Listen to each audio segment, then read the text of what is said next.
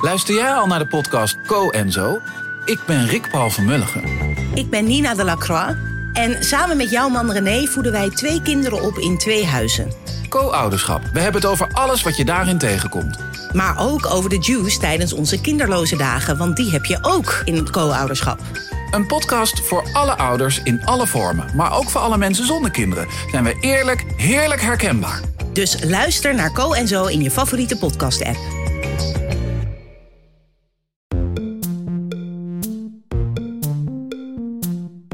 Daar, fijn dat je luistert naar Boeken FM, de literaire podcast van Dasmag en de Groene Amsterdammer. Wij nemen op in de studio van Dag en Nacht Media. Wil je nou nooit meer een aflevering van ons missen? Abonneer je dan nu in je eigen podcast-app en geef ons ook vooral een heleboel sterren en recensies. Dan zijn we ook zichtbaarder voor anderen die ons misschien willen luisteren. Heb je een vraag voor ons of ben je heel erg boos, vooral op Joost? Stuur dan een mail naar boekenfm.dasmag.nl. En we zijn tegenwoordig ook te vinden op Instagram, boekenfm. Ik gebruik ook eigenlijk nooit het woord Kafkaesk, eh, Charlotte. Kijk, dat leek me nou net iets voor jou. Dat leek me echt iets voor mij. Nee, nee helemaal niet. Nee. Jeetje, Ik gebruik liever het woord vreemd. Byzantisch. Dat is ook een soort Kafkaesk. Is juist toch veel te dom voor? Dat begrijpt hij helemaal Nee, niet. nee. Er zit een Q in. Er zit, een, zit een trema in, weet je wel. Ja, hoe werkt dat? Ik weet niet hoe ik dat krijg op mijn toetsenbord. Ik heb een Apple, weet je wel. Dat is gewoon... ja.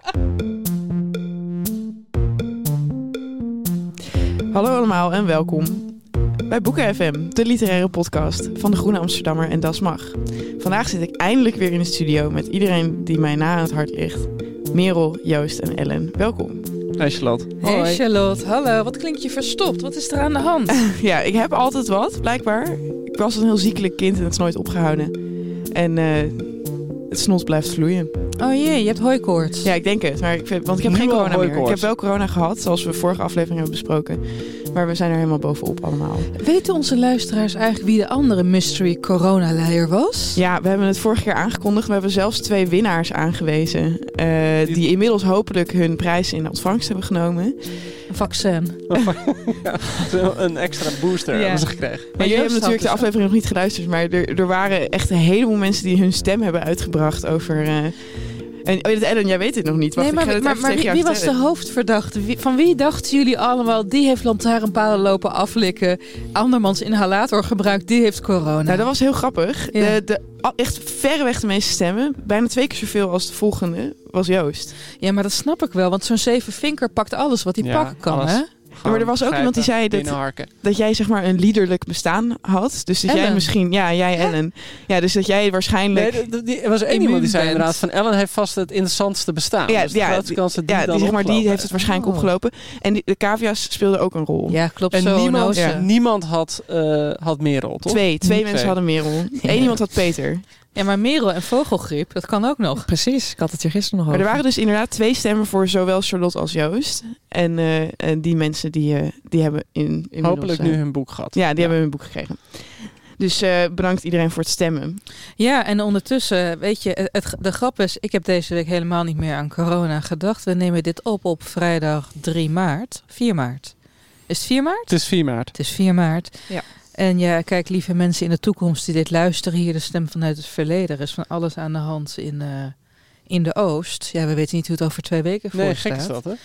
Maar ehm, hoe, zit, hoe zitten jullie hierin? Zo'n gevoel dat er alles kan gebeuren. Oké. Eh, ja, nou ja, for better or worse, hoor, Ja? bedoel ik. Ehm, Het is Maar- moeilijk, niemand durft daar ook iets over te zeggen. Nee, in het- nieuws hebben ze steeds experts over de vloer. Die, Ja. En die vragen ze dan van wat gaat er nu gebeuren. En die houden zich dan, die zeggen dan heel voorzichtig van ja, ik ben een journalist of ik ben een historicus. Ik kan daar niet iets over zeggen. En dus aan de ene kant wordt er heel veel gepraat. Aan de andere kant wordt er heel weinig gezegd. Dus ik heb ook moeilijk moeite om iets eh, zinnigs hierover na te, over te denken over Oekraïne. ja, en het, het- je merkt dat heel veel journalisten en opiniemakers nu met van die al op zoek zijn naar wat is de endgame. Dus, dus waar, wat, wat is een mogelijke afloop dat je kan bedenken. En ja, dat, dat, dat, ja het is zo vingerdik, of hoe zeg je dat? Eh dubbeldik kijken voor wat je weet. Wat nu Koffiedik. dat het Ja. ik zocht. Ik was, er was iets dik, vingerdik. Ja, gewoon zo. Interesting verspreking, Joost. Ook voor hem is het lente. Ja. ja. Goh, En jij, Ellen? Nou ja, ik heb, eh, ik, ik, ik, ik kom echt al 15 jaar in de Oekraïne. Ik heb hele goede vrienden in Lviv, waarvan een deel dus nu naar Polen is gevlucht. En die hebben daar gelukkig families zitten, dus die worden daar opgevangen. Maar eh, ja, de mannelijke vrienden zijn tegengehouden bij de grens. Ja. Dus die zitten nu. En ja, ik ben, eh, ik ben misschien vandaag deze podcast ook een beetje afwezig, want eh, ja, je zit er de hele tijd aan te denken. Het houdt gewoon niet op. Nee, inderdaad. En, En, en, eh, je ziet de hele tijd de live blogs, de, F, de F5'en. Ja, en ja, Eh, maar ja, ja, je- Wendy van Dijk. Nee, Wendy van Dijk die erheen gaat. Nou, dat vind ik trouwens ook zoiets, lieve mensen. Wendy van Dijk die er altijd bij rampgebieden is. Bij de Voice of Holland, bij de dansmarathon. En nu sturen we haar weer naar de Poolse grens. Ja, Wat- wat- wat Het is omdat ze zo goed zorgelijk kan kijken, geloof ik. Ja, Is dat, zo? Ik, ik hoop dat ook deels is dat het nu omdat is omdat net uit, uitgelegd dat er kruisraketten op de Poolse grens gericht staan. Dat van ja, Wendy van Dijk sturen we er maar Ja, Dan heb je maar gewoon een waarom soort, niet eh, Rob Camps, weet je wel? Dat was gewoon Ja, er zijn zoveel mensen die eigenlijk konden liever. Ja. liever er naartoe zou willen sturen. Maar goed, lieve luisteraars, ehm, we weten natuurlijk niet of jullie banden hebben of met eh, de andere landen die als een soort cordon sanitair rond eh, Rusland liggen. Maar eh, het zijn ingewikkelde tijden. Maar volgens mij was het C.S. Lewis die zei van ja. Kunst is misschien niet iets, een basisvoorwaarde om te overleven, maar het is wel iets dat het overleven meer dan de moeite waard maakt. Dus Mooi. laten wij eens in de literatuur gaan duiken. Charlotte, Vandaag, eh, wat ja, gaan we lezen? En we ontsnappen niet helemaal aan geopolitiek. Althans, daar valt nog over te twisten later in de aflevering. Want we gaan vandaag bespreken de nieuwe vuistdikke roman van Hanya Yanagihara, Naar het Paradijs. Eh, wij kennen haar natuurlijk vooral, Hawaiiaanse, Amerikaanse, ehm, van A Little Life, Een Klein Leven. Wat zo'n ontzettend succes was, dat het hoe vaak was verkocht in het Nederlands? Volgens mij 300.000 Ja. exemplaren verkocht in? Nederland. Wat echt absurd Ja, ik weet is. echt nog zo'n zomer dat letterlijk iedereen... Ik ik was geen drugszwembad, maar ik was bij een zwembad. En daar lag gewoon iedereen dat boek te lezen. Ja, zo eentje. Het was ook. En toen ben ik het dus. eh, eh, jullie hebben dat boek natuurlijk besproken. eh, een paar jaar na verschijning. Toen het naar, eh, naar, voor het toneel werd vertolkt in Nederland. Ehm, toen dacht ik, ja, ik moet dat natuurlijk gelezen hebben voor vandaag. Dus, want eh, ik had het nog niet gelezen. Eh, dus dat heb ik gedaan. Je, je hebt ook nog ter voorbereiding vandaag een Little Li- Live gelezen. Ja, ik, ik zeg het ook eigenlijk vooral omdat ik dan wil dat jullie weten hoeveel werk ik erin heb Nou, dankjewel. Charlotte. En maar he- heel even dan, kan je, kan je in één minuut zeggen wat je bevindingen waren? Hoe vond je dat boek? Over Little Life. Ja. Nou, ik eh, vond het heel meeslepend. Maar het was wel een soort ontzettende bruidstaart van emoties. Waar ik gewoon na drie happen al vol van zat of zo. Ja. Met zoveel ellende na ellende na ellende. Dat ik wel begreep dat jullie het op een gegeven moment in jullie aflevering daarover traumaporno noemen. Eh, ehm, en er zit een zekere onwaarschijnlijkheid in. Maar als je je daar eenmaal overheen hebt gezet, vond ik het op emotioneel niveau lekker huilen. En wat, wij gaven het des- destijds, Joost gaf het een 7, ik gaf het een 6. Wat, wat zou jij het hebben gegeven als eindcijfer? Een 7, denk ik. Want ik vond het literair niet super interessant. Maar ik ging toch wel houden van die personages. En dat vind ik ook tellen. Of zo. En ehm, ik was toch wel van een aantal scènes echt wel kapot van. En dan denk ik niet de, de- zeg maar de extreme bloedgutsende eh, scènes die erin zaten. Maar de soort van de dingen die kleiner dan dat waren. Ja, of de Ja. lieve scènes. Ja, wat meer. echt lief en klein was. zeggen, oh, we willen je adopteren, Jude. Ja, daar ging ik ook ja, stuk. dat, dat, dat is emotioneel. Ja, Ja. nou ja, gewoon en die, die- de kleine menselijke elementen. En ik weet, vind dat eh eh eh, speaker, Jana Gihara, ehm, echt wel goed is in de fysieke elementen van een leven. Het ging ook, ook, in jullie aflevering ging het ook eventjes over dat het lifestyle Ja. porn werd genoemd. Omdat het dan vaak gaat over interieur en over koken, Ja. over kunst, over eh, eh, dingen die heel erg duur en mooi zijn. Zo'n appartement waar dan miljoenen euro's aan marmer in verwerkt zijn. Maar ja, daar kan ik heel erg van genieten. Ik vind, ze daar, ik vind dat zij gewoon daar heel goed in is. En Hebben jullie het toneelstuk gezien eigenlijk? Nee, Alleen maar, met, eh, maar ik ben toch. Maar, maar even, heel, heel, even heel, heel terug, jongens, eh, lieve luisteraar. Als je denkt, huh, we hebben er een podcast over gemaakt. Dus eh, Hmm. luister die alsjeblieft lekker terug. Want hij was fantastisch. En daarin hebben we het ook over het toneelstuk dat toen nog moest verschijnen. Ja. Ramsi Nasser in de hoofdrol. Ja, Ramsi Nasser heeft de Louis d'Or ervoor gewonnen. En die was ook wel echt geweldig, Ramsi Ja? Nasser. Ja? Die was echt, die speelde Jude, dus de, de hoofdpersoon. De, de, het, het grootste slachtoffer van die vriendengroep die centraal staat in het boek. En van de Die wereldliteratuur. verkracht en mishandeld. Vergeet en, Remy. en uit een, van een trap wordt gegooid en in de brand wordt gestoken. En door iedereen die ooit voor hem moet zorgen wordt misbruikt. En eh, zichzelf heel erg snijdt.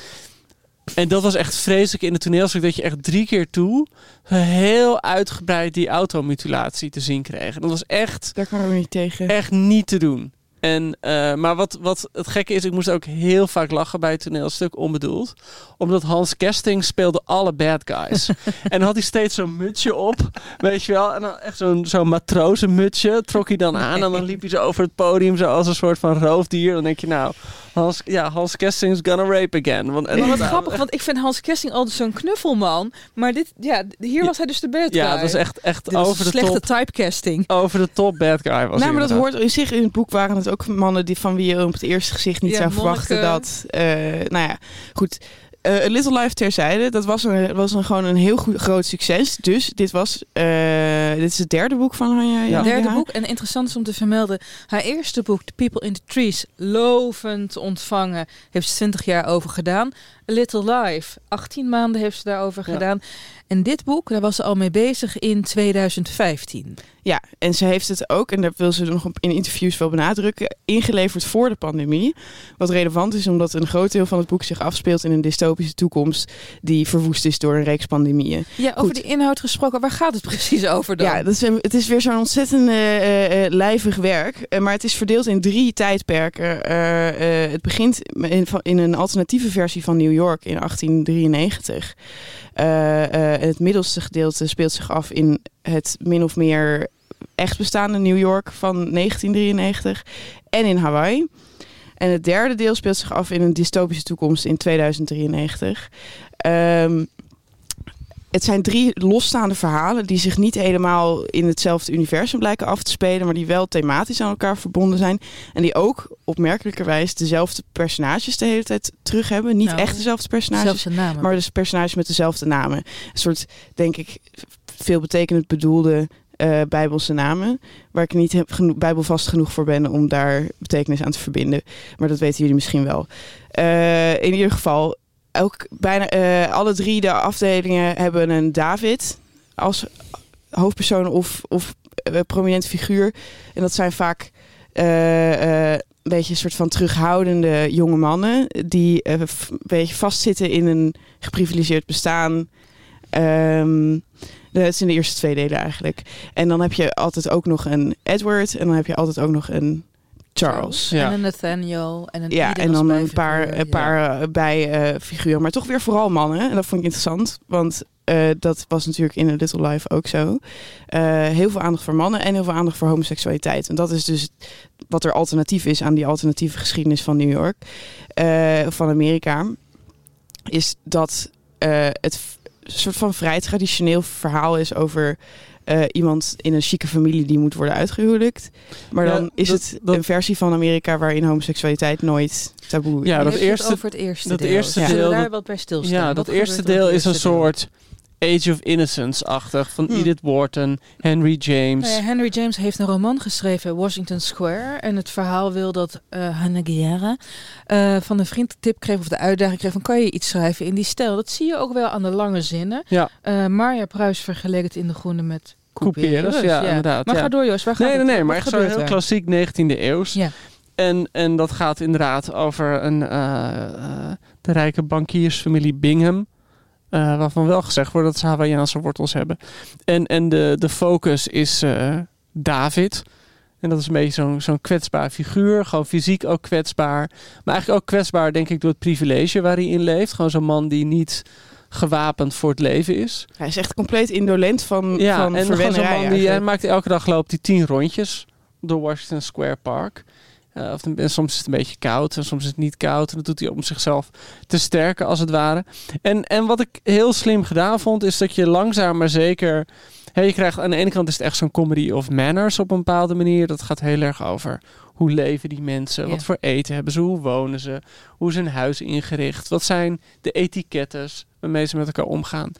En dan kom je inderdaad, wat jij al zei, langzaam erachter dat, er, dat het niet het echte verleden is, maar een alternatief verleden. Hoe, was jullie, hoe reageerden jullie erop dat je las? Nou, en toen wa- kwam zijn vrouw binnen met haar echtgenote. Ja, ik, zijn was, zus binnen met haar echtgenote. ik las er drie keer overheen. Ik was denk ik pas 40 pagina's te laat, begreep ik wat er aan de hand was. Nou, ik vond Ik het heel... echt bij mezelf, wat kutvertalers. Oh, je dacht van het is een fout van de Ik vertaling. het Oh, grappig. was. Ja, nee, ik vond het meteen. Ik zat, dat was het moment dat het boek voor mij helemaal aanging, eigenlijk. Omdat, omdat je dan langzaam maar zeker doorgaat van: oh, wacht, dit is niet iemand die een pastiche of een, een soort hommage heeft geschreven aan die 19e-eeuwse romans, maar iemand die echt er eigen draai aan geeft. En langzaam kom je dus erachter dat, er, eh, dat Amerika is opgedeeld in de vrije staten, waar zo lijkt waar homoseksuali- homoseksualiteit niet alleen. Eh, toegestaan is, maar ook ongeveer gangbaar. Dat ongeveer alle personages Je moet eigenlijk ja, ja, je moet met dat- iemand van hetzelfde geslacht. Ja, inderdaad. En dan daarnaast heb je de koloniën, wordt het genoemd. En dat zijn eigenlijk meer de barbaarse eh, staten waarin eh, helemaal geen vrijheid is. Ja, en dan heb je ook nog richting Californië. eh, dat, en, dat een soort van aparte status heeft. ja, ja. En dat vond ik moeilijk in het eerste deel en in het laatste deel. De Amerikaanse obsessie met hun eigen, zeg maar, samenstelling en geschiedenis en constitution en hun eigen eh, burgeroorlogen en zo. Die steekt mij nooit aan of zo. Dus dat soort van echt kundige trucje van, van Jana Gihara van... oh, er is een alternatieve geschiedenis gebeurd... waarbij Amerika is uiteengevallen in deze drie delen. ik van, oh ja, dat, was, dat had inderdaad kunnen gebeuren. Het deed me niet zoveel. Ik Eh, vond het heel geforceerd. als een Amerikaan waarschijnlijk, denk ik, is mijn theorie... zou dat dan wel heel veel doen, denk ik. Want die hebben allerlei gevoelens bij hun burgeroorlog... en bij de cultuurverschillen binnen hun land... Maar op mij kwam het toch niet. Nou ja, ik weet niet. Ik weet niet hoe dat bij jullie was. Nou ja, het, het raakt, ik, ik vond het heel geforceerd. Ik moest ook denken aan een boek van Philip Roth, The Plot Against America. Waarin ja. hij dus in de jaren if. 30, prachtige roman. Waarin hij in de jaren 30 of 40, een van die twee, laat hij niet Roosevelt, maar Lindbergh. Ja, eh, 1941. eh, ja. Een, een, een nogal fascistische presidentkandidaat de verkiezingen winnen. En van daaruit zie je hoe Europa zich terugtrekt in de Tweede Wereldoorlog. Met betrekking tot het Europese continent. Laten we hopen dat het niet Nee, niet. nu, nu gebeurt. Nee, Maar, maar, maar, maar heel toch, toen ik dat merkte van dat eh, het allemaal same-sex marriages waren, ik dacht, dit is dapper. Ik dacht ook meteen aan A Little Life, waarover heel veel mensen hebben gezegd van ja, dit boek speelt zich niet eens af op deze planeet, omdat het zo'n andere wereld sprookje is. Een soort sprookje. Ehm, hierbij, ik kon, ik kon hier niet in meegaan. Ik kon het gewoon, ik vond het totaal ongeloofwaardig. Oh, ja, dat had ik bij deel 1 nog niet. nee, ik had bij deel 1 ging ik er dus echt helemaal in mee. Ja. En, Nee, en niet. ook omdat het, het, het werd, wel, ik vond het redelijk, zeker vergeleken met het latere deel, heel, redelijk impliciet gedaan. Ja. Je ont- ontdekt langzaam, ik bedoel, die rest van de wereld is er wel. Maar uiteindelijk speelt het zich vooral rond dat Washington Square af. En dan krijg je dat verhaal dat eigenlijk die, die David als het ware uitgehuwelijk gaat worden, min of meer. Mhm. Zijn grootvader organiseert een huwelijk, eh, min of meer een huwelijk voor hem met een, met een wat oudere man, een, een weduwnaar, Charles, eh, die een bondhandel heeft op Hawaii. Hij is een beetje nouveau riche eigenlijk. Ja, Nouveau Riche. En eigenlijk schikt hij zich daar wel in. Ehm, Hij gaat met Charles naar David, bed. ja, hij heeft zoiets van dit, dit kan wel, sexy times. En eh, nou, dan komt hij toch Edward tegen. En die is jong en die is vlot en hij kan heel sexy piano spelen. Ja, nou, dat is, als er één ding sexy is, dan is het wel piano spelen. en, maar tegelijkertijd snap je ook aan alle kanten van die Edward, dat wordt gewoon zijn ondergang. Ja, Ja, en iedereen, eh, de grootvader die voelt ook al nattigheid, huurt een privédetective in. Edward blijkt een soort klootzak, een soort loverboy te zijn, die je waarschijnlijk deze David heel veel geld afhandig gaat maken. En uiteindelijk, mogen we dit spoilen? Ja, dan gaat David aan het einde toch mee met Edward naar het... naar Californië. naar Californië. Maar je weet het niet hoor. Ja, to paradise. Dat Ja. zegt hij. Zeg Ja. maar, hij verlaat zijn, zijn ouderlijk huis, of het huis van zijn grootvader. En dan, dan blijven we dat gewoon vond ik wel hangen. slim, dat het daar ook op, Mm. dat het op, ja. In het midden, het blijft in het midden. Ja, Want hij heeft, zijn, hij heeft het geld dat hij van zijn dode ouders heeft ge- geërfd, ja, laat hij in goud omzetten. Ja. Ja. En hij gaat met goud naar Californië, wat ook weer een soort grappige echo van Amerikaanse geschiedenis is. Want normaal Is dat andersom? zochten ze goud in, in Natuurlijk. Californië. Ja. Maar eh, eh, eigenlijk, hij twijfelt nog eventjes. Zijn opa roept hem nog achterna. En je weet gewoon niet of je gaat. nou ja, je weet, je weet, je weet volgens mij gewoon dat hij zijn ondergang tegemoet ja, gaat. dat- Je weet het niet. Nou, ik weet ja. het niet. Ik vind hem zo'n indolente jongen. Hij zou zich zo kunnen omdraaien nog op de trap. Maar je komt er dus nooit achter. Want ineens zijn we honderd jaar later. Op een dinnerparty. Eh, jaren 90 New York. ja, jaren 90 New York. Een New York waar overigens wel aids is. Wat eh, bizar is vergeleken met A Little Life. Oh ja, Oh, omdat in de manier, ja, ja. in Little Life is een soort van tijdloos boek. En geen AIDS-epidemie. Nee. Er is geen, het speelt, begint toch in de jaren tachtig in New York, eh, Little Life. Dat is nou heel ja, eigenlijk ja. er, worden geen, er wordt geen tijdsduiding gegeven in Little Life. Dus 11 september komt er ook niet voorbij. Geen mobieltjes. Nee, maar ik heb het gewoon aan de zeg maar, economische omstandigheden van New York af geprobeerd te lezen of zo, toch? Want dat, Oh, daar zeg kleine- jij ook in de kleine aflevering. Amerika-kenner. Nee, het, zeg jij het- ik bedoel, dat, je vermoedt dat wel. Dat als je een beetje de tijd inschat, dan is het dat. Ja, vooral omdat het zijn dan mannen die eh, in onze tijd, zeg maar, 50 zijn. Ja. Dus, nou ja, anyway. Daar, daar is het heel opvallend dat er geen aids in voorkomt. Eh, Oké, maar dat is dan om het tijdloos te maken of zo.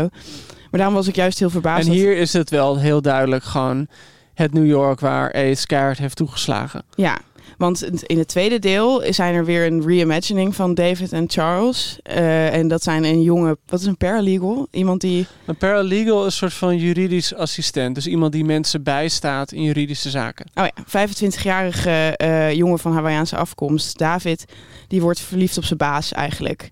Eh, Hij krijgt een relatie met ja. zijn baas. ja, en gaat, trekt al vrij snel bij hem in en heeft dan een soort leven waarin hij eh, eh, zelf heel weinig bijdraagt en gewoon eigenlijk een soort trophy wife is van, van deze Charles, die wel heel lief voor hem is, maar gewoon 20 jaar ouder of zelfs 30 jaar ouder. En dan komt er een, eh, een afscheidsavond van een vriend van deze Charles, van Pieter. Die ook al daft er een AIDS-epidemie door heel New York aan kanker aan het overlijden is. Moet je een boertje laten, je Ja. moet een boertje laten.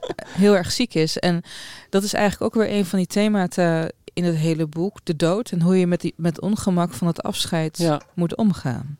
En ze organiseren een groot feest voor deze Peter. En die Peter, die, is- dat vond ik best wel mooi, opgeet alleen maar kniftig en chagrijnig dat iedereen hierna doorleeft.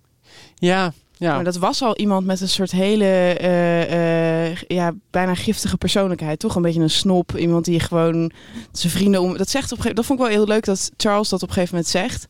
Ja, je moet altijd een vriend hebben waar je eigenlijk een beetje bang voor bent. Ja. En eh, daar word je gewoon beter van. Eh, als je vrienden hebt die eigenlijk altijd een beetje op je neerkijken of zo. ja, Eh, maar hij gaat wel van dominant naar hatelijk, deze Pe- Peter. ja, zeker hij is woedend laatste. op, op David, die eh, mooi en jong is en eh, Gezond. vol leven. Ja. ja, ja. ja. En die eigenlijk als enige in die vriendengroep nog niet besmet is, geloof ik. Want zelfs Charles heeft het. En die houdt het zo? stil. Oh, ja, Oké, oké. Die zegt, aan hem is het nog niet te zien. Want de, want de medicatie slaat goed slaat aan. En, Maar de, de grap is dus dat ik dacht op een gegeven moment dat die tweede deel heel erg over dat ziekbed van die Pieter en de vergankelijkheid zou gaan. Maar dan komt er een brief van de vader van David aan David. En dan wordt er een soort nieuwe verhaallijn die, die ik niet zag aankomen, maar die ik wel heel interessant vond. David is van koninklijke Hawaiiaanse komma af. ja. is weggevlucht van het eiland. Deels vanwege alle verwachtingen van zijn koninklijke grootmoeder. Merel, je kijkt, heb je het boek wel gelezen? Ik ben gewoon heel verbaasd de hele tijd. Van, ja, is, het is ook all over the place. ja, nee, Ja. dat, dat, alles kan op elk moment gebeuren. En dat doet het ook in Ja, dit boek. ja, Ja, het- want- het gaat alle kanten op. Dus eh, er komen brieven van die vader die eh, deze David eh, heeft verlaten. Eh, althans, verlaten. Ehm, dat vond ik heel interessant. Die vader die is dus van Hawaïaanse royale komen af. Het- Inmiddels is Hawaii soort van gekoloniseerd door de Amerikaanse vrije staat, door Amerika. Ik weet niet welke Nee, in deel 2 aanduiding- is eigenlijk niet een alternate history. Hawa- Hawaii is gewoon de vijftigste staat. in, in dat Eh, tweede deel. in het tweede in deel. het tweede deel. En, die en in- in de jaren 60, 70 krijgt die vader, die krijgt contact met een soort van ja, Black Panther-achtige Hawaiiaanse nationalist. Die zegt van ja, wij moeten ons eigen koninkrijk gaan bouwen. En dat gaan ze dan ook doen. Op een heel erg afgelegen stukje strand gaan ze een huisje Lipo bouwen. Wauw naar hele. Wat zeg je de? Lipo Wauw naar hele. Ja, Lipo Wana Hele noemen ze het, het, het Mythische Koninkrijk. En het is een eh, nou ja, blamage. Het, eh, het is een krottenwoning. Het stort de hele tijd in. Ehm, deze vader staat erop dat zijn zoon de hele tijd wel bij hem. Dat hij ook in dat koninkrijkje opgroeit. Nou, de grootmoeder zegt van nou liever niet. En dan krijgen ze een soort van deeltijd. Dat die zoon af en toe dan in dat mislukte koninkrijkje zit. Wat van golfplaten aan elkaar hangt. En als hij dan aankomt, dan nemen ze wat een radiator mee. Lekker eten en zo. En de rest van de tijd moet die arme vriend met zijn nationalistische BFF krabbetjes jagen. Ja, en het gaat, dit deel gaat eigenlijk net zoals de andere delen over een soort van slinkende, afbroekelende welvaart en status. Dus in het eerste deel heb je van, oké, Nouveau Riche haalt ze eigenlijk in. Iedereen kan een, heeft ineens een achternaam die ertoe doet. En in deel 2 gaat het over van eh, Hawaii wordt onderdeel van Amerika. Dat je daar ooit een koningszoon bent geweest, dat gelooft ten eerste helemaal niemand. En ten tweede bestaat daar helemaal geen koninkrijk meer. En en ze wat, maken grapjes over die ja, wat betekent het dan nog Ja. om, om af te stammen van... Wat betekent je achternaam nog dan, is een beetje de vraag. Ehm, en dat is in deel drie ook zo. Gaat het ook over soort van families die ooit belangrijk waren en, en nu niet meer. Omdat er een verschuiving is geweest. Ja. Dus er zijn steeds een soort mensen die ooit status hadden... die dan niet meer... die nu in een veranderende tijd, einde van de eeuw... niet meer daarmee iets kunnen. Nou ja, de degeneratiegedachte die je ook heel sterk in de boeken van Couperus en Ja, van ja. Henry James eh, tegenkomt. Ehm, maar in het derde deel gaat het, vooral, gaat het meer en meer, eh, niet meer eigenlijk om de sociale connecties die je hebt, maar over een soort dystopische staat die is ontstaan na het uitbreken van een grote pandemie. Ja, meerdere pandemieën zijn er Meerdere geweest, pandemieën. Ja. En opvallend, ze heeft dus, ze heeft ook in een interview gezegd, ze wilde er dus niet de pandemie van 2020 bij doen. Gewoon dat zij hier in 2016 al over aan het schrijven was. Ze was al in, in, die, in de jaren voorafgaand aan COVID, was ze virologe aan het interviewen. Omdat ze eigenlijk wilde dat dit een eigen verhaallijn zou gaan worden. Dus Ja, en, en in deze, dit, dit derde deel, dan is er inderdaad zo'n soort van airborne virus is er. Dat als je gewoon zonder je, je hasmatpak over straat gaat, dan is dat eigenlijk al het einde. En dat heeft in Amerika geleid tot een totalitaire tot- samenleving. Ja, denk Eh, aan de Handmaid's Tale, moest ik heel erg aan Nou ja, dat niet om nou meer al te kritisch te zijn, maar daar moet je inderdaad de hele tijd aan, aan denken. Het, het heet ook iets van section whatever. Het heeft echt echt iets van die science fiction taal. Ja. Ja, het, heeft, zit ook acht, achter in het boek, eh, tenminste in mijn, mijn editie. Er staan ook steeds van die plattegronden getekend. Dus dan zie je echt zo New York dat opgedeeld is in, eh, in zones. En in de ene zone is nog gevaarlijker dan de andere zone. Dat was echt de Hunger Games eigenlijk. Ja, soort- moest ik ook aan denken. De strikte stelsels. Ja. Ja. En daar gaat eh, de- en klimaatcrisis speelt ook een grote rol. Er zijn grote overstromingen. Ze moeten zonnewerende pakken aantrekken. De En- krokussen komen op in augustus. Ja, en er zijn ontzettende. eh, het is ontzettend. De hele, het hele leven is van staatswegen georganiseerd. Dus je mag eigenlijk geen vrienden meer hebben. Die moeten geregistreerd worden. Daar wordt tegen geprotesteerd, er wordt opgegeven. Maar ja, je sociale contacten moeten zich beperken tot maar een kleine club. Huwelijken worden gearrangeerd tussen mensen die het liefst vruchtbaar zijn. En zijn nadrukkelijk heteroseksueel. van aard. Omdat, Omdat je ze- kinderen moet kunnen Ja, krijgen. Ja, omdat de kinderen zijn, een heleboel kinderen in 2070 aan de pandemie zijn overleden. Ja, dus het moet. Wat mij gewoon het meest was aan het derde deel, is dat, zeker als je met het eerste deel vergelijkt, het eerste deel komt heel impliciet dat verhaal naar voren. Ik bedoel, jij las er afhankelijk overheen. Ja. Weet je wel, het, het duurt een tijdje voordat je doorhebt van, god, dit is echt een ander Amerika dan het daadwerkelijke Amerika. En heel impliciet ontdek je van die koloniën en die vrije staten en de status van eh, eh, homoseksualiteit en noem maar op. En in dat derde deel, dat dat voor een heel groot deel uit brieven bestaat, wordt alles gewoon zo bam, gewoon Heel uitgelegd. expliciet. De hele Ja. tijd expliciet. Eh, alsof, alsof Anja bijna niet meer aan het roman schrijven toekwam, Maar alleen aan het maar worldbuilden. gewoon aan een soort wordbuilding inderdaad. Gewoon alsof ze eh, echt heel nadrukkelijk een, een, een blauwdruk gaf van... oké, dit is de fantasie die ik gehad heb. Dit is het Amerika dat ik me voorstel. En ik ga nu precies uitleggen hoe dat eh, historisch en staatkundig in elkaar zit. Ik vond het weinig creatief, omdat ik dacht van... eh, het had echt al die, al die fantasy elementen met... Een doodnormaal woord heeft dan een hoofdletter. En dan is het Mhm. veel betekenend. Je weet Ja. dat zo van, oh, het is vandaag de dag van de ceremonie met een hoofdletter C. Mm. Dan weet je dat dat iets heel Ja, ja, ja. onheilspellends is. En eh, ehm, ik, ja, ik vond het, dat het een beetje instortte rondom de hele Hawaii eh, interlude. Die wel heel interessant was. Maar die ook dan weer wordt afgekapt. En dan ben je ineens in 2093...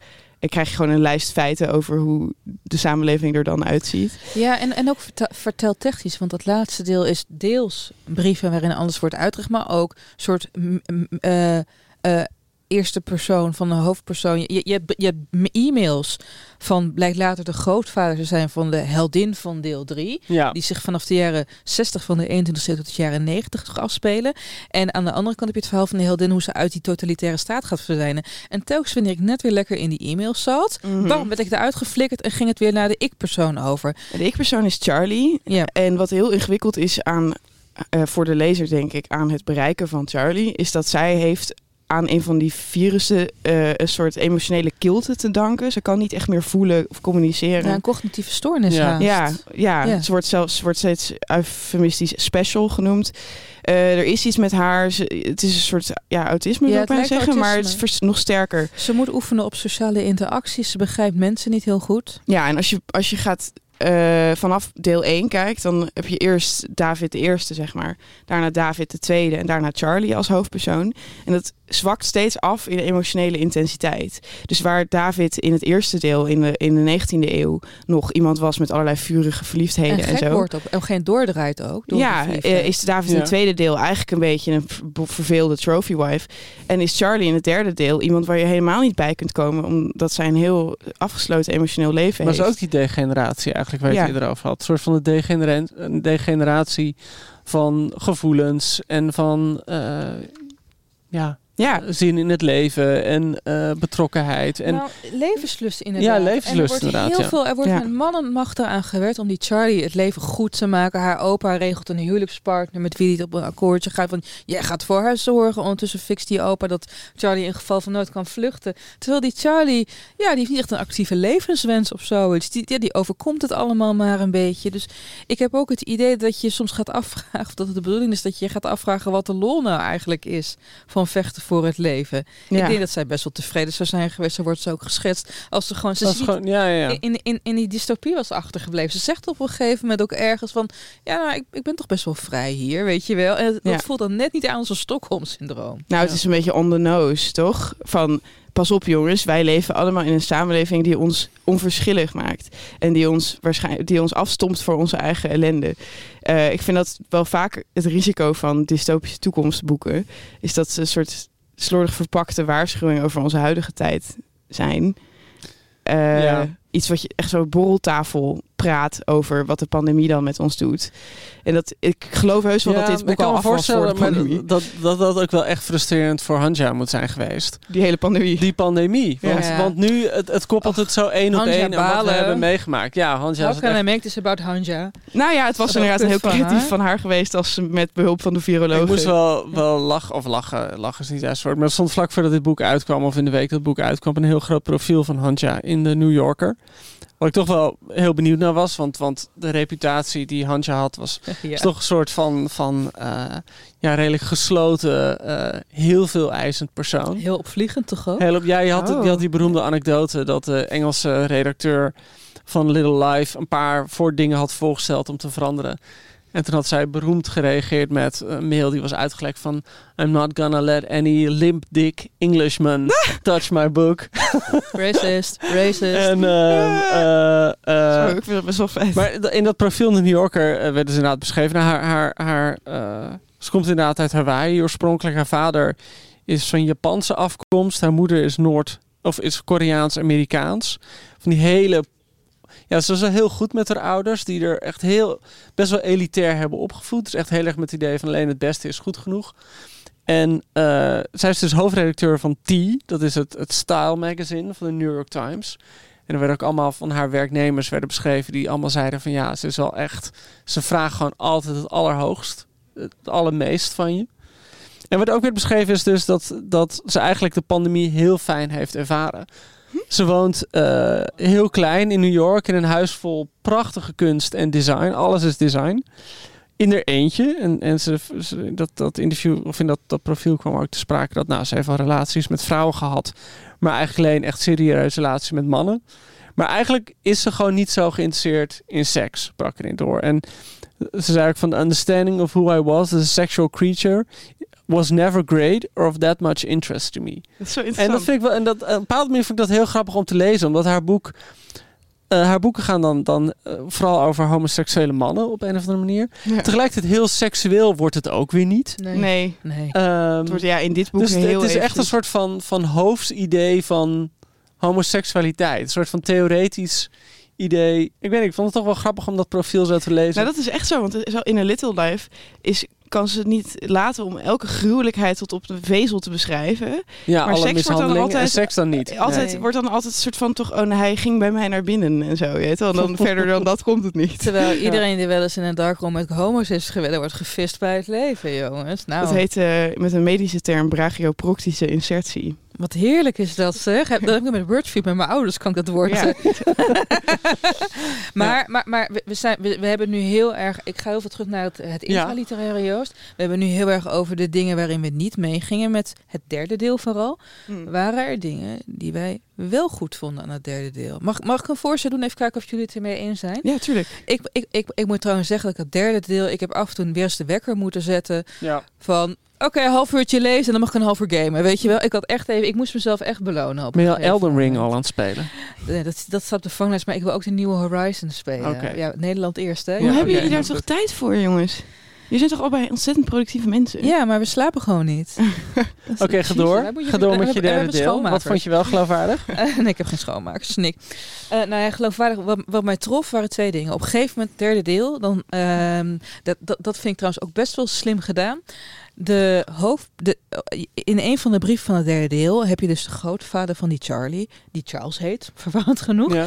En die vertelt dan dat wanneer hij net, net getrouwd is met een tienerzoon, dan krijgt zijn echtgenoot die krijgt nieuwe vrienden. En die nieuwe vrienden zijn niet zijn mensen. En hij raakt steeds geïrriteerder wanneer zijn echtgenoot naar die nieuwe vrienden gaat, die wat ouder zijn, die een huis vol Hawaiiaanse roofkunst hebben. Terwijl Charles van Hawaiiaanse kom af, dus dat kan die ook al helemaal niet. En op een zeker moment krijgt die Charles enorme ruzie met zijn eigen zoon, David, de latere vader van deze Charlie. Ik hoop dat je het nog volgt, lieve luisteraar. Ja. Waarop David partij kiest, niet alleen voor zijn andere vader, maar ook voor die twee vrienden. Waardoor hij dat kind kwijtraakt. En die ruzies en dat onderhuid vond ik heel goed gedaan. Ja, ik ben En ja, eens. op een gegeven moment, die twee vrienden, Aubrey en Nathaniel heten ze, die eh, lijken de hele tijd too good to be true, hapjes, drankjes, moreel verantwoord. Maar zij vertellen dan tegen het einde van hun leven dat zij eens een goede vriend, toen net weer een pandemie was uitgebroken, toegang tot hun huis en bescherming hadden ontzegd om hem waardig te laten sterven. Ja. En dat dat hen hun hele leven dwars heeft gezeten. Dat vond ik een heel goed verhaal. Het allermooiste verhaal, maar het komt misschien ook omdat, eh, ik heb het hier wel vaak in een podcast gehad, ik begeleid veel middelbare scholieren. Ik heb ze kapot zien gaan onder deze pandemie. In het boek is er sprake van op een gegeven moment een tweeling. Hiram en Ezra, zeg ik dat goed jongens? Ja. Die krijgen op jonge Ja, leeftijd... Hiram. Ja, inderdaad. Ja, Hiram, ja. Hiram. Ja. Die krijgen op jonge leeftijd een van de talloze pandemieziektes die Amerika dan teistert. Waardoor ze eigenlijk alleen nog maar in een soort steriele ruimte kunnen leven. Ze, kunnen, ze zullen nooit naar buiten kunnen. Ze zijn ook gewoon helemaal slap. Eh, ze, ze- hun gezondheid is broos. Hun skelet doet het niet meer ja, goed. Ja. En op een zeker moment, ik geef even een kleine spoiler, maar je ziet het al aankomen, of je leest het al aankomen, lieve luisteraar. Gaat hun verzorger bezwijkt, waar, en niemand zorgt voor de jongens. En dan besluiten de jongens Gewoon, naar ja. buiten te gaan, waar ze hartstikke doodgaan. Want super gevaarlijk, want buitenlucht en bacteriën en zo. Dat raakte mij enorm. Ja. Dat vond ik echt zo mooi beschreven. Ja, ben het mee eens. Ja. Ook omdat op een gegeven moment vragen de jongens aan een van de mannen van die heel veel reist van hoe ziet India eruit, hoe ziet de buitenwereld eruit. En dan bedenkt die hoofdpersoon zich van ja, zij zullen niet alleen nooit naar India gaan, ze zullen niet eens hun achtertuin in kunnen. Voor hen is hun achtertuin even ver weg als India. Voor hen is hun achtertuin India.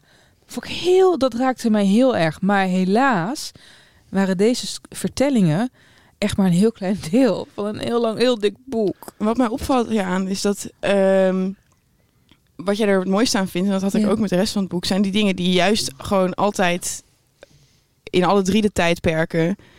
heel fundamenteel menselijk zijn of zo. Ik denk dat daar... dat eh Jana Gihara hier ook gewoon heel goed in is. In de dynamiek tussen vrienden en in families die moeilijk zijn met elkaar. En de band tussen opa en kleinzoon in het eerste deel was daar mijn favoriete deel, denk ik.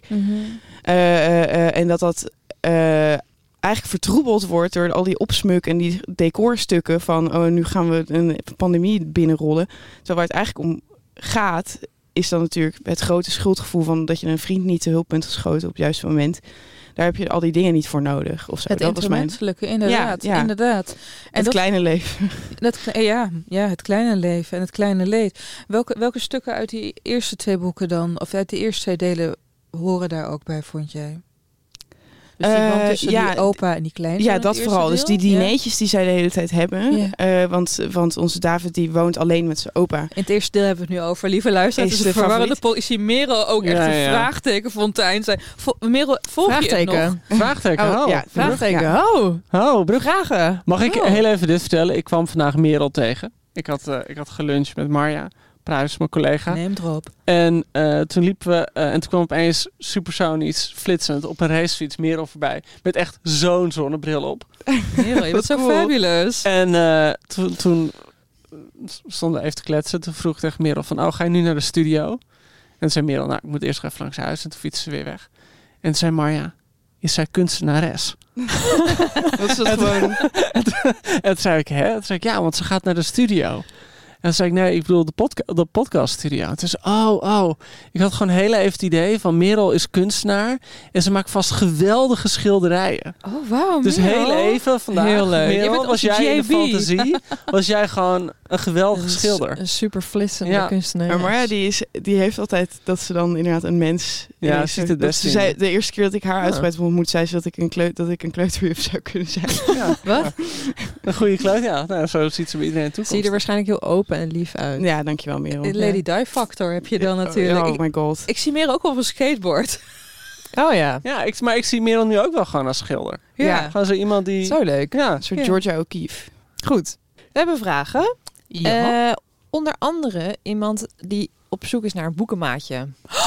Wat Ah. Weer iemand. Super Met de tof. kriebels. Eh, en die stuurde dit. Ha, lieve mensen. Ik ben op zoek naar een boekenmaatje. Ik lees ongeveer 50 boeken per jaar. Van, ja, nice. Ja. Van cliënt Ebuske tot Anna Karenina. Van de tuin van de familie Vinci Contini tot, ja ja, Ulysses. Maar ook alles van Elena Ferrante. Dus een Maar ook, hè, er zit heel veel in. Ja. eclectische mix. Ook makkelijke feel-good boeken zoals Helene Ferrante.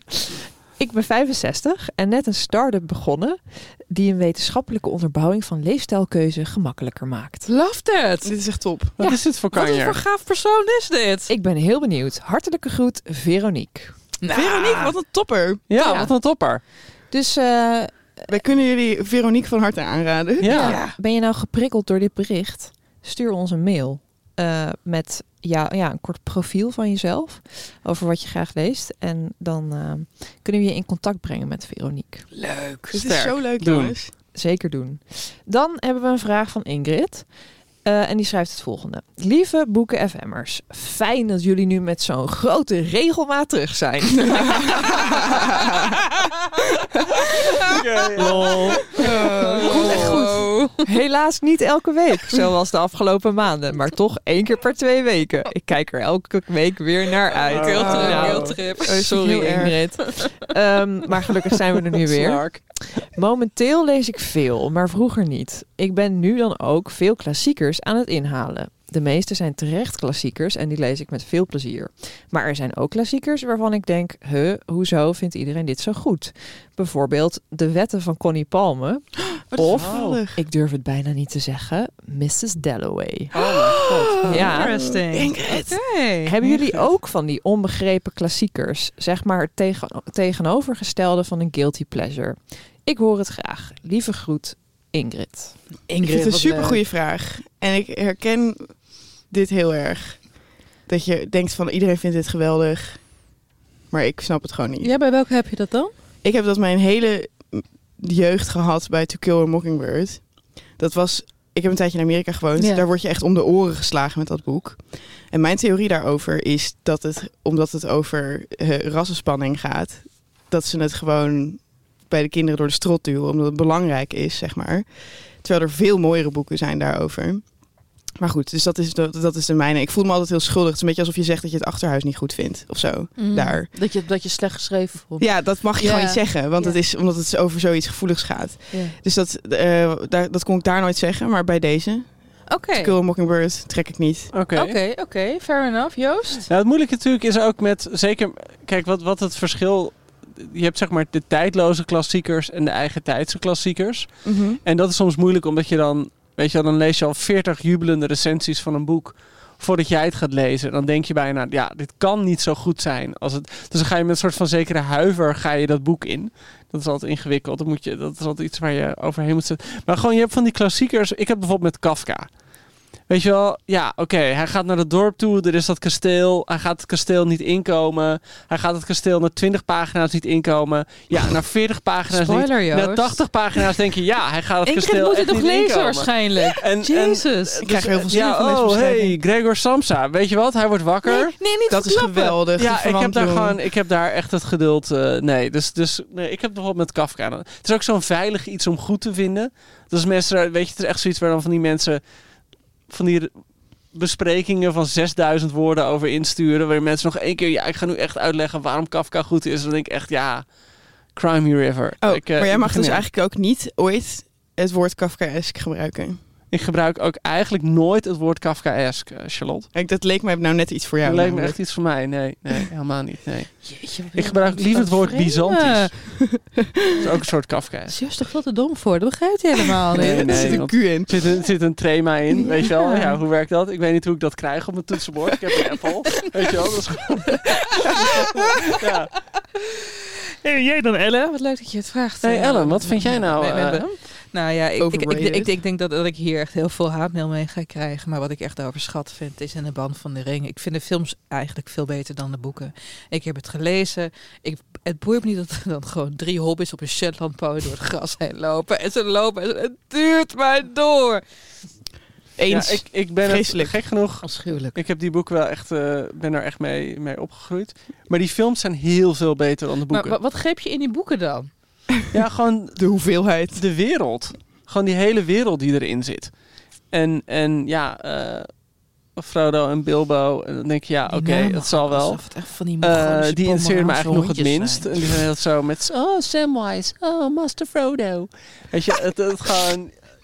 Dat boeit, me, dat boeit me niet zoveel. Maar die wereld waar je dan in gaat, dat vond ik geweldig. Maar het gekke is als je het nu leest... Ja, het is best wel onhandig verteld. Eh, op sommige momenten er zitten echt van die, van die hele spannende dingen in. Die gebeuren dan een soort van buitenbeeld. En die worden dan in een soort van flashback verteld van... Oh ja, trouwens, we hebben Saruman verslagen. Dat je, denkt, oké. had Maar het- jij hebt het onlangs nog teruggelezen. Nee, ik heb het al jaren niet meer gelezen. Oké, Nee. ja.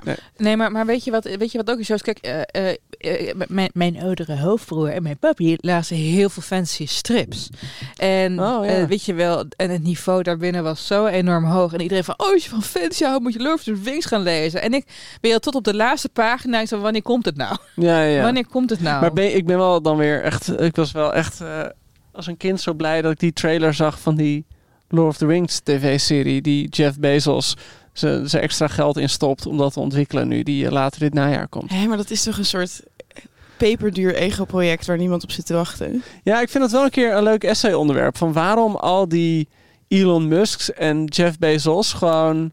Heel, en en eh, Peter Thiel, weet je wel. Richard Branson. Ja, die zijn allemaal helemaal Lord of the Rings. Nou, dat is omdat het gewoon Revenge of the Nerds is, dit tijdperk. Vroeger was een rijk iemand meestal iemand die gewoon een soort van cultureel onderlegd ja, was. ja, ja. En nu zijn het de nu nerds. zijn het kelderdwellers die ineens miljardair zijn. Oké, ik, Ja. weet- ik kan me hier heel kwaad over maken, ga ik niet doen. Maar goed dat we het nu weer over Lord of the Rings hebben. Ja.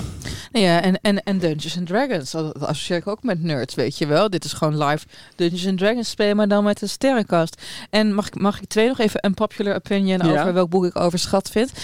Graag. Wuthering Heights. Oh. Maar dat is vooral omdat ik de, omdat ik de passion... Kijk, ik vind de passie leuk en ik hou ervan als er wordt ge- gespeeld met een mystieke wereld. Maar ik vind die Catherine en gewoon zulke assholes. Zo toxisch. Ja, En gewoon echt, en het, eh, op een gegeven moment allemaal zo ongeloofwaardig dat die kinderen dan wel wat met elkaar krijgen, weet je wel. Het Ja. shipt de pan uit. Nee, hoofdpijn. het is ook een genre waar je wel een voorliefde voor moet hebben of zo. Wat bedoel je? Toch, ik... eh, al, dat, al dat pining, daar verlies je best wel snel je geduld voor. de als romantiek bedoel je? nou ja.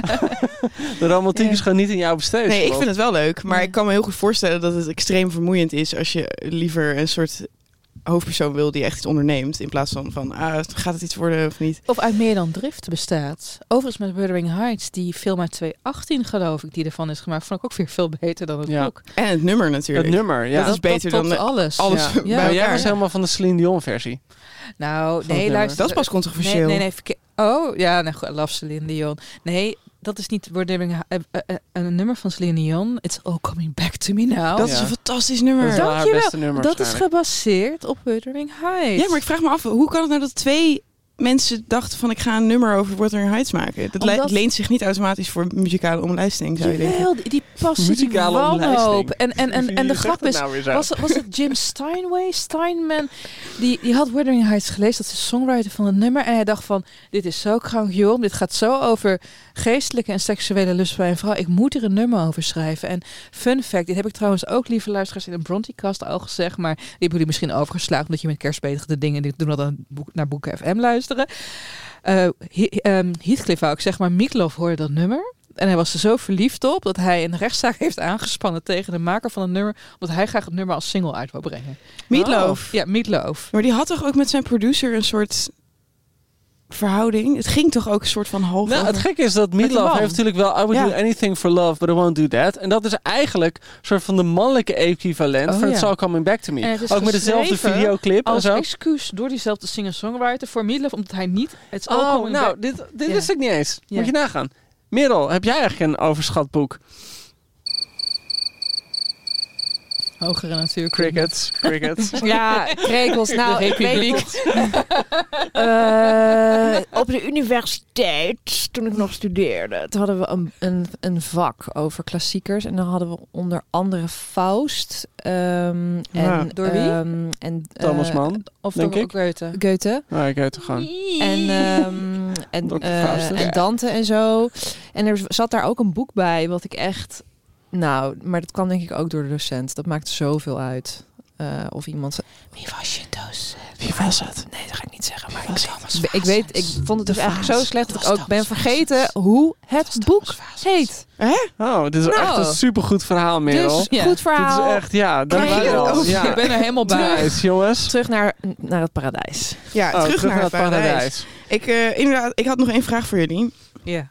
In de New York Times, eh, in de recensie van Terug naar het, Pa- of naar het Paradijs, eh, begon de recensie met de vraag of dit een Great American Novel is. Die vraag bleef in die recensie een beetje onbeantwoord. En wat jij daarnet voor het opnemen zei, was van dat, of jij. Ja. eh, we hadden het er net over. En, En, toen, ik versmelte vaak voor ja, mensen. tot ja een, ik, ik, zie jullie nu als een soort hele tweekoppige. onaantrekkelijke hybride. Ja. Ehm, een van jullie zei van, ja, Great, Great. American Novel is een manier om te zeggen dat een boek gewoon heel dik is. Ja. Nou ja, en, maar ook eh, eh, het, het, is, het is jezelf agency toekennen als recensent dat jij wel even bepaalt wat een Great American Novel nou, dat is. is volgens mij een vraag aan jullie. Jullie hebben natuurlijk wel heel- Nou, eh, iets te zeggen Ik hierover. denk dat wat is wat een Great American American Novel is, is, want dat hoeft niet altijd dikke boek te zijn hoor. Ik bedoel, Great Gatsby is Great American Novel en Of dat is nog geen and Men. 200 bladzijden. En ehm, wat er denk ik in zit, kijk, Amerika heeft traditioneel gezien van die thema's die als de nationale thema's worden gezien. En dat is gewoon opnieuw beginnen. Dat is jezelf opnieuw uitvinden en eh, ik bedoel, de, de, de frontier opzoeken. En in sommige boeken zit dat gewoon heel duidelijk. Hierin ook wel. En nou, hierin vind ik dat niet zo. En ik denk dat die Great American Novels die er zijn, en dan heb je dus over Moby Dick, wordt vaak genoemd, of The Grapes of Wrath van Steinbeck, of nou, eh, East of Eden. East of Eden, Ja. of eh, nou inderdaad, ehm eh, Scott Fitzgerald, Great Gatsby. Dat zijn allemaal van die boeken die zich heel duidelijk op een plek, bepaalde plek afspelen, heel duidelijk in een tijdperk. En dat zijn dus ook van die boeken die de tijdgeest heel erg pakken en een soort dwarsdoorsnede geven van de samenleving op dat moment. Ja. En dat doet eh, dit boek van Hanja natuurlijk niet. Omdat nee, maar het- eh, zij leent wel dat hele frontier-idee aan het einde van elke sectie. Want dan is het zo gaan van... ze op, op zoek naar zo'n zo'n gebied toe. Ja, inderdaad. ja. Ja. gaan ze gewoon het proberen ergens opnieuw te beginnen. Ja, maar dat krijg je dan weer niet te zien. delen. Dat is eigenlijk elke keer Nee, krijg nee. je blauwe ballen van. Ehm, dus misschien raakt ze de Great American Novel thematisch aan om een soort grandeur aan het boek te verlenen, maar Nou, ik heb niet het idee dat ze dat nou ex, dat ze daar zelf expres heel erg achteraan ging. Nee, maar het is wel zo dat het boek suggereert eh, onder andere over pionierschap te gaan. Dat is natuurlijk een van de kernen van Amerika. Daar begon het allemaal mee. En dat is inderdaad een hap van een lauwwarme kroket. Dat krijg je telkens net die verzadiging te pakken. Ehm, de, je kan je voorstellen, het is heel vervelend, een lauwwarme kroket. Ja, ik voel het echt je, terwijl je, je, het zegt. je, je voelt gewoon je gehemelte dat net niet verbrandt. Ik zal nooit vergeten dat ik een keer een koude kroket kreeg. Ik had toen heel lang erop zitten wachten. Ja, En toen Omdat zo die koud was. was die koud. En sindsdien, elke keer als ik een broodje kroket ergens bestel, zit er zo'n huivering in. Ja. Dat ik denk van, oh nee, dit is toch niet de koude kroket. Ik heb dat nou met kleine penissen. Dat, Ah, dat, dat, dat, die zie je wel aankomen dan. in ieder nee, geval. dat zie je niet aankomen. maar los hiervan, zullen we deze eruit halen? Merel? Daar is Oh ja, verzekering. ik, eh, maar waar de voor mij het boek niet, ook het nog wel. heel erg over gaat is... En ik denk dat dat, dat het boek wat, wat To Paradise eh, gemeen heeft, ook met eh, A Little Life... gaat heel erg over hoe je met kwetsbaarheid omgaat. Gewoon al die personages zijn op een eigen manier kwetsbaar... En moeten op een bepaalde manier verzorgd worden. En dan heb je sommige mensen die echt die zorg Mm. perfect kunnen geven. Net zoals met Jude. Ja. Ja, en andere Ja. mensen die die zorg juist, die kwetsbaarheid helemaal eh, misbruiken. Ja, Letterlijk Ja. vaak ook. Ja. Dus, en, en ik denk dat in alle drie die delen, al die, die Davids, ja, er moet- zijn van die mensen die niet op zichzelf staan. Er moet voor ze gezorgd worden. ja. En, En aan de Charlie ene- ook. en soms laten ze die zorg toe. En soms gaan ze ook om die zorg heen en storten ze zichzelf daardoor gewoon de ellende in. Hey, Ja, ja. En, en weet je wat ik me afvraag trouwens, hè, jongens? Want eh daar we het voor de uitzending ook al over. Dit zijn eigenlijk drie verschillende boeken in één boek. Wat is het interessantste deel en wat is het minst interessante deel voor jullie? Wat was het 100% beste deel boek één. geweest? Ja, voor Ja. mij Deel één? 100% Ja, deel deel één. één. Daar zat Ja. ik helemaal in. Ja? Ik ben de rest van de tijd gewoon eigenlijk geërgerd geweest dat het dat niet verder ging. Ja. Ja. ik ook. En ook, ik was ook echt in dat tweede deel, dacht ik, dat tweede deel dacht ik, oh, er komt vast een niet te missen teruggrijpen naar het eerste deel. En dat op een gegeven moment ontdek je, dat komt niet. Ja, ook En heel teleurstellend. ja, toen was Ja, ik het is meer een verhalenbundel haast dan een roman. Hè? Ik vond bij dat tweede deel trouwens, die brief van die vader aan die zoon. Ik vond het idee dat je een mislukt paradijs maakt, vond ik heel erg sterk. Ja, Ja. medium uitgevoerd. Maar ik ergerde me zo aan de ongeloofwaardigheid van deel 1. En dat zat hem niet alleen in de alternatieve staatskunde die daar uitspreekt. Maar ook, ik kan me gewoon niet voorstellen dat je in een tijd waarin eh, erfopvolging echt nog afhangt van de kinderen die je samen krijgt. Dat er dan opeens homoseksuele, homoseksuele huwelijken zo makkelijk. Weet je wel, er is door de eeuwen heen een probleem van gemaakt. En ja, ook in de samenlevingen waarin homoseksualiteit geaccepteerd was, bijvoorbeeld bij de oude Grieken, was het huwelijk met een vrouw super belangrijk om via je bloedverwantschap Ja. bezittingen door. Dus, dus daar, daar bost ik op. En daarom vind ik deel 3. En dan vooral die kleine verhalen in deel 3, dus die, van die tweeling, die voor Ja. wie de hele wereld in. Dus dat, dat vond ik heel interessant. Hey, en als jullie, dus jullie, zouden jullie dit boek trouwens ook uitgeven? eh, of liever hadden jullie dit boek liever gezien, laat ik het zo zeggen, als gewoon alleen maar deel 1 met een einde? Ja. ja. Dat Ja. had ik denk ik echt mooier gevonden. Want ik vond het wel een heel mooie fantasie. Het idee dat homoseksualiteit een soort van bonton is. Dat gewoon de, de, Oh, de betere klasse Ja, is een soort van chic om gewoon Ja. homoseksueel te zijn. Nee, Ja, maar- weet je, door de eeuwen heen is dat natuurlijk voor een deel zo geweest. Kijk naar de roman Tipping the Velvet, waarin in de Ja, ja, 19e eeuw ja, men dacht dat vrouwen geen seksualiteit hadden. Dus je kon gewoon gratis even niks te eten met, je, met vrouwen naar bed. Want Ja. het orgasme bestond toch niet bij, jou, bij jouw soort. Ja. Maar ehm, Tipping the Velvet. Tipping the Een Velvet. hele goede ti- titel ook voor. Ja. Ja, Ja, ja haar andere boek is Fingersmith. ja, dat is ook ja. een. Eh, weet, je, weet je wat het Nederlandse Sarah want Waters. Tipping the Velvet, lieve onschuldige kinderen of Summer die dit luisteren. Hè, voor degene die, eh, die, die het niet weet. Tipping the Velvet. Nederlandse woord is trouwens fluweel tippen. Oh my god, zo mooi. Want het, gaat het betekent... nou ja, ik, Weer krekels, Merel. ja, nee, nou, ik, ik zie er een seksuele handeling in. Cunnilingus. Ja, Ja, nee, dat, ja, eh, de ja. Velvet. Ja. Fluweel. Fluweel hardop tippen. zeggen.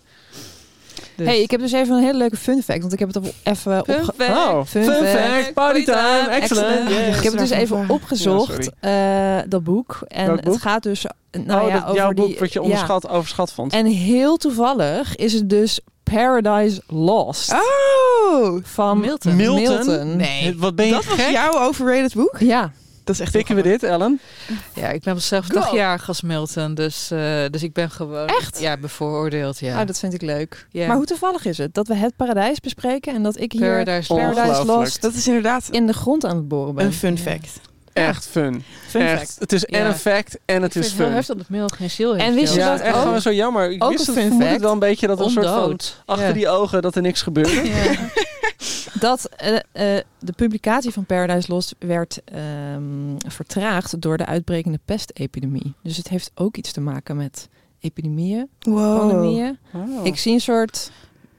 Illuminatie. Ja. Ja, ja, Hanja, Hanja had het een geweldige echo gevonden. Ja, toch? Ehm, zeker. Oké. Moeten we even een cijfer Ja, geven? we moeten gaan cijfer. En moeten we ook wel iets vertellen over wat we volgende week gaan doen? Want we voelden ons wel gewoon slecht dat we zo vaak er niet zijn geweest. Oh ja, Dat dus we we nu dachten ook de naar aanleiding van, de vraag van Ja. vandaag. Gaan we een klassieker behandelen. Nou, het antwoord is ja! Wat gaan wij doen? 100 jaar geleden werd er een roman geschreven en in die roman gaat het over de zomer van 1922 die fantastisch alles overrompelend en geweldig gaat zijn. De zomer van 2022 gaat het waarschijnlijk niet helemaal worden met alle gedoetjes nu aan de oostkant. Maar wij gaan over twee weken The Great Gatsby Gatsby. bespreken. Hebben jullie die films gezien? Ja. Je moet niet alleen die van Bas Leurman zien, maar ook die al uit de jaren zeven, eind jaren 70 met Robert Redford in de hoofdrol. Die is oh, echt leuk. Die prachtig. wil ik wel zien. Het is ja. leuk dat we een boekenpodcast hebben, Joost. Maar, Ja, maar- nee, nee, Oh, maar ik wil het ja. voor, voor Charlotte gewoon makkelijk maken. Ik denk dat is een Jen Zaniol, die moet gewoon maar de film kijken. Eh, maar laten we veel lang, cijfers geven voor Ja. Hanja. Oh, nou, ik wou nog heel veel iets rectificeren. We verschijnen inderdaad een- eens in de twee weken. Maar nu nog eventjes e- elke week. Ja, dus dus een, week, ja, een week Ja. na, Ja. eh, Dus na deze verschijnt eh, The Great Gatsby al. Dus daar kunnen jullie op verheugen. Joepie. Eh, en dan een cijfer. Wat vonden jullie van eh To Paradise? Ah, ik vond het heel ingewikkeld omdat je die drie verschillende delen hebt. En als het alleen het eerste deel was geweest, dan eh, had ik dat, was ik daar echt verrast door geweest. En dan was het denk ik echt een boek gedacht, geweest waarvan ik dacht, oh, zo kom je ze zelden tegen. Zoveel Ja. fantasie en zo mooi gedaan.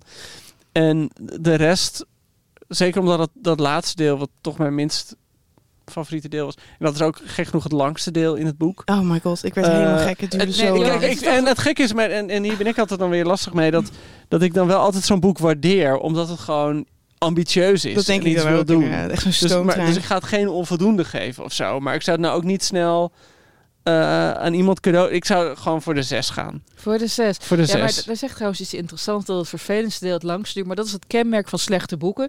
Die duren Ja. te lang en goede boeken die zijn te kort. Ja, Ja, maar het is ook letterlijk de helft van het boek, hè? Al die Ja. onzin over is de echt- pandemieën. Het is de helft. Nou ja, ik vond het derde deel v- bij Vlagen echt oké. ja, daar zitten mooie dingen Ehm, in. Ik ja. moet haar ook kudos geven dat je in dit soort tijden het aandurft om een boek over, weet je, ook al was je er al mee bezig om over pandemieën te schrijven. Ja. Ik denk dat heel veel mensen daar chicken shit voor krijgen. En desondanks, lieve luisteraar, bespaar je tijd. Ga een mooie poëziebloemlezing lezen. Ik geef het een 4.